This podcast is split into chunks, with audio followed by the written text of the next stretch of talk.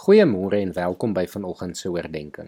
Ek lees vanoggend vir ons voor uit Romeine 12 vanaf vers 1 tot 8 asook 1 Korintiërs 12 vanaf vers 12 tot 31. En nou doen ek 'n beroep op julle broers op grond van die groot ontferming van God. Gee julleself aan God as lewende en heilige offers wat vir hom aanneemlik is. Dit is die wesenlike van die godsdiens wat julle moet beoefen. Julle moenie aan hierdie sondige wêreld gelyk word nie, maar laat God julle verander deur julle denke te vernuwe. Dan sal julle ook kan onderskei wat die wil van God is, wat vir hom goed en aanneemlik en volmaak is. Kragtens die genade wat aan my gegee is, sê ek vir elkeen van julle: Moenie van jouself meer dink as wat jy behoort te dink nie. Nee, lê jou liewer daarop toe om beskeie te wees in ooreenstemming met die maat van geloof wat God aan elkeen toebedeel het. Ons het baie lede in een liggaam en die lede het nie almal dieselfde funksie nie. Net so is ons, al is ons baie, in Christus een liggaam en almal afsonderlik lede van mekaar. Ons het genadegawes wat van mekaar verskil volgens die genade wat God aan elkeen van ons gegee het. As dit die gawe van profesie is, Laat ons dit gebruik in ooreenstemming met die geloof wat ons bely. As dit is om te dien, laat ons dien.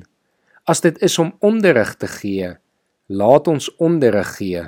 As dit is om mense te bemoedig, laat ons hulle bemoedig. As ons gee, laat dit sonder bybedoelings wees. As ons leiding gee, dan met toewyding. As ons ander help, dan met blymoedigheid en dan hiermee saam ook 1 Korintiërs 12 vanaf vers 12. Net soos die liggaam 'n een eenheid is en baie lede het en soos al die lede saam al is hulle baie een liggaam vorm, so is dit ook met die liggaam van Christus. Omdat ons almal een liggaam geword het, is ons almal met die een gees gedoop. Of ons nou Jood of Griek is, slaaf of vry, Ons is almal van die een gees deurdrenk. Die liggaam bestaan ook nie net uit een lid nie, maar uit baie. As die voet sou sê, omdat ek nie 'n hand is nie, is ek nie deel van die liggaam nie, hou hy om die rede tog nie op om deel van die liggaam te wees nie. En as die oor sou sê, omdat ek nie 'n oog is nie, is ek nie deel van die liggaam nie, hou hy om die rede ewenigs nie op om deel van die liggaam te wees nie. As die hele liggaam oog was, hoe sou hy kon hoor? En as die hele liggaam oor was, hoe sou hy kon ruik? Maar nou het God die lede, elkeen van hulle afsonderlik in die liggaam gevoeg, soos hy dit wou hê. As almal saam net een lid was, hoe sou daar 'n liggaam kon wees? Nou is daar wel baie lede, maar net een liggaam. Die oog kan nie vir die hand sê ek het jou nie nodig nie. Die kop kan weer nie vir die voete sê ek het julle nie nodig nie. Inteendeel, die lede van die liggaam wat as die swakste voorkom, is juis noodsaaklik en die wat vir ons minder mooi lyk, klee ons met groter sorg. So word ons minder aansienlike dele besonder mooi gemaak, terwyl die aantreklike dele dit nie nodig het nie.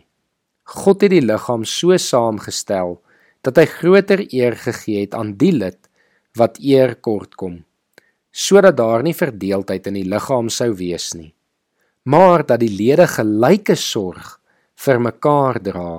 As een lid ly, ly al die lede saam en as een lid geëer word, is al die lede saam bly. Julle is die liggaam van Christus en afsonderlik is elkeen 'n lid daarvan. En in die kerk is daar mense aan wie God 'n bepaalde taak gegee het.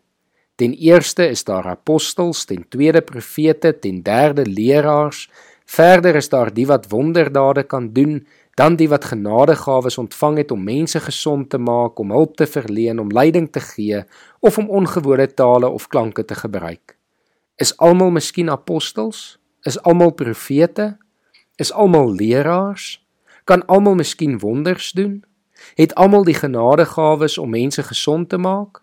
Of gebruik almal miskien ongewone tale of klanke en kan almal dit uitlê? Lê julle toe op die beste genadegawes. Een van die mooiste beelde wat ons as gemeenskap van gelowiges ontvang het, is die beeld van die liggaam van Christus. Dat ons as kerk funksioneer hier op aarde as die liggaam van Christus wat sy werk hier voortsit.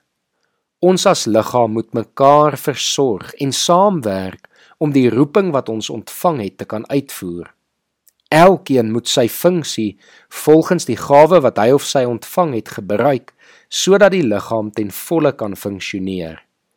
Daarom wil ek jou vra om vandag na te dink oor wat jou rol en funksie binne die liggaam van Christus is en waar jy betrokke moet raak en wat jy moet doen sodat die liggaam optimaal kan bly funksioneer.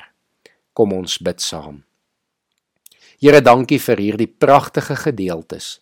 Dankie dat ons kan besef dat U ons geroep het om saam te werk, Here, as 'n een eenheid, as 'n liggaam van U om U in hierdie wêreld te verheerlik. Here, help ons om vandag te weet waar U elkeen van ons geplaas het, wat ons rol is en wat ons moet doen.